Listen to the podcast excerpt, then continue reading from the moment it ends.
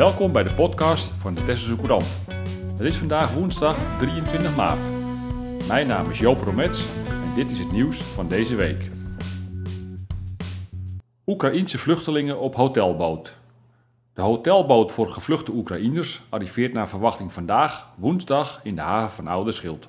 Het gaat om een drijvend hotel met 110 tweepersoonskamers, sanitaire voorzieningen en een keuken. Aan boord is ruimte voor zo'n 200 vluchtelingen. De eerste tijdelijke bewoners worden volgende week verwacht. Drie andere Oekraïense gezinnen zijn inmiddels ondergebracht in huisjes op vakantiepark de Driehoek van Europarks. Om de Oekraïners een veilig en prettig onderkomen te bieden, wordt een en ander georganiseerd. Kinderen in de leeftijd van de basisschool gaan hoogstwaarschijnlijk naar de Bruinvis in Oude Schild. De gemeente praat deze week met de OSG over de kinderen in het voortgezet onderwijs. Ook is er aandacht voor hun mentale welzijn en de vrije tijdsbesteding. Op het schip zullen regelmatig een huisarts en medewerkers van vluchtelingenwerk zijn. Dorcas heeft de vluchtelingen die al op het eiland zijn inmiddels van kleding voorzien. Voor de inwoners van Oude Schild wordt maandag een informatiebijeenkomst gehouden. Burgemeester Uitenhaag en de medewerkers van vluchtelingenwerk beantwoorden er vragen. De bijeenkomst vindt plaats in het Skiltje en begint om half negen s avonds. Soap rond pluktuin.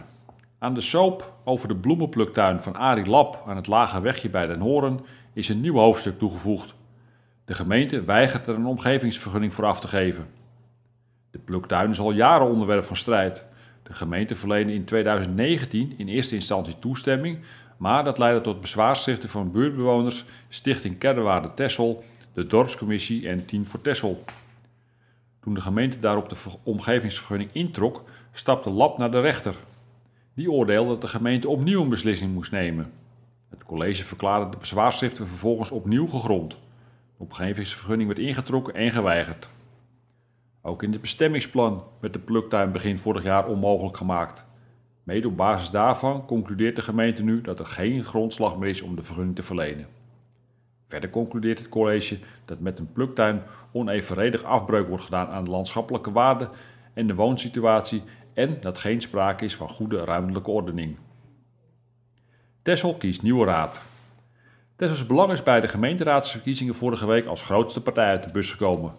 De partij kreeg 20,9% van alle stemmen, goed voor drie zetels. In de huidige gemeenteraad heeft Tessels Belang nog vier zetels. PvdA en GroenLinks wonnen. Beide partijen kregen een zetel bij en komen in de nieuwe raad, net als Tessels Belang, op drie zetels. De VVD verloor één zetel en krijgt er nu twee. Het CDA blijft stabiel op twee zetels, D66 behield de ene zetel. Hart voor Tessel, de partij van de vorig jaar weggestuurde wethouder Edo Kooijman, is nieuw met één zetel. Tessel 2010 deed niet mee aan de verkiezingen en verdwijnt uit de gemeenteraad. De grote vraag is nu wie vormt met wie een coalitie om de komende vier jaar het eiland te regeren. De huidige uitslag met drie partijen met elk drie zetels biedt meerdere mogelijkheden. In de Tesselse Courant van vrijdag 18 maart analyseert de redactie de verschillende opties. Piet Snijder, Horender Held. Piet Snijder is benoemd tot Horender Held van 2022. Dat gebeurde vrijdag tijdens de jaarvergadering van de dorpscommissie van de Noorden. Volgens de dorpscommissie verdient Piet de titel vanwege zijn jarenlange vrijwillige inzet voor het dorp. De oud-gymdocent was jarenlang actief lid van de Horende Feestcommissie, heeft de Horende Koersbalvereniging opgezet, zette zich in voor diverse sportevenementen en was bijna een kwart eeuw spreekstalmeester bij concerten en andere evenementen. De orde, de orde van Horender Helden bestaat sinds 2018 en is een onderscheiding van dorpsgenoten die zich vrijwillig en op buitengewone wijze inzetten voor de gemeenschap. Brief aan de toekomst. Leerlingen van 3 HAVO-VWO van OSG de Hoge Berg hebben vrijdag een koker met brieven begraven bij een nieuw geplante boom. In het kader van het project Brief aan de Toekomst schreven ze een brief aan zichzelf, te lezen in 2072. Best een lastige klus. Ze moesten vragen beantwoorden als: Wat heb je de afgelopen 50 jaar gedaan? Hoe ziet jouw leefomgeving eruit en in wat voor vervoersmiddel rijd je? Leerlingen verwachten dat er de komende 50 jaar minder vlees wordt gegeten dat plastic verpakking in de ban wordt gedaan en benzineauto's zullen uitsterven. Ook werden verwachtingen opgeschreven over toekomstige partners, gezinnen en woonplaatsen. Joël Stark schreef dat hij in 2072 een eigen boerderij met 389 koeien heeft. Die worden gemolken door een melkrobot. Zijn trekkers rijden op groene energie, opgewekt door onzichtbare zonnepanelen. Het vriest tegen die tijd volgens hem het hele jaar. Met als leuke bijkomstigheid dat hij iedere zaterdag kan schaatsen op de Waddenzee. Maaike Ploeg omschreef een toekomstbeeld waarin de mens verdraagzamer is geworden en de kinderen weer buiten spelen in plaats van gamen. Strand te onveilig voor strandhuisjes. Bij vier Tesselse strandslagen komen dit jaar minder of geen strandhuisjes.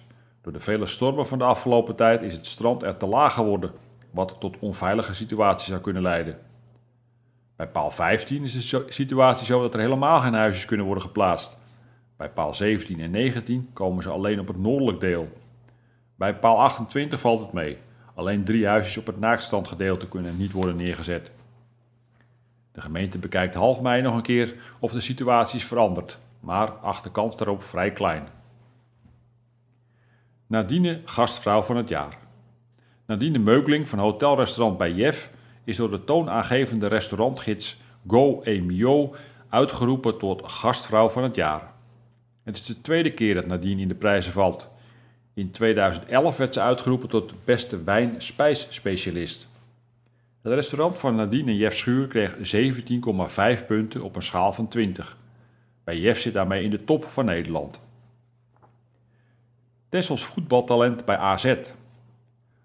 Voetballer Casper Boogaard is bij Eredivisieclub AZ verkozen tot speler van de maand februari.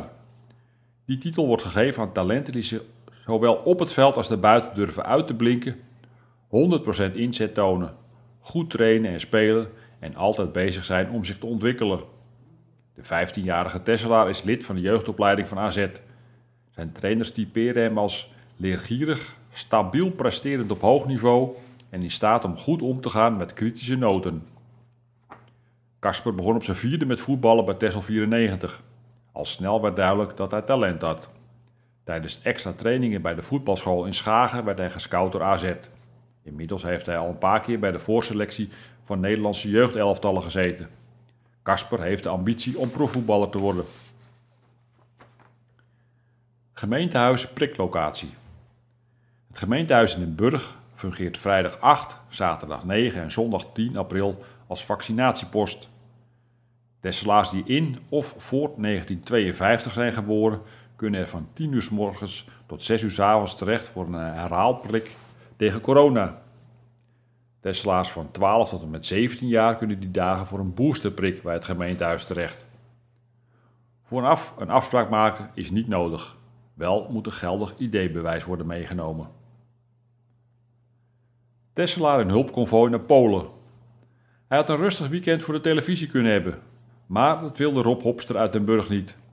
Met een bus vol hulpgoederen reisde hij vorige week af naar de Pools-Oekraïnse grens. Rob maakte deel uit van een konvooi van meerdere voertuigen. In totaal ging voor 30.000 euro aan hulpgoederen mee. Daarnaast was 40.000 euro ingezameld om ter plekke goederen voor vluchtelingen te kunnen kopen. Rob, die in het dagelijks leven bij Paracentrum Tessel werkt, beleeft er aangrijpende momenten. Met vluchtelingen die zich in de bittere kou in leven proberen te houden. Op de terugweg gingen vluchtelingen mee om in Nederland op te vangen. Rob nam een oma, haar twee dochters en hun drie kinderen mee naar Tessel. In de Tesselse Courant van vrijdag 18 maart blikt hij terug op een even spannend als emotioneel avontuur. De Tesselse Courant verschijnt twee keer per week en staat steeds boordevol nieuws, reportages en achtergronden. Neem ook een abonnement op de lokale krant van Tessel. Kijk op www.tesselsecourant.nl voor de mogelijkheden. Bellen kan natuurlijk ook. Tijdens kantooruren op nummer 0222 362 600.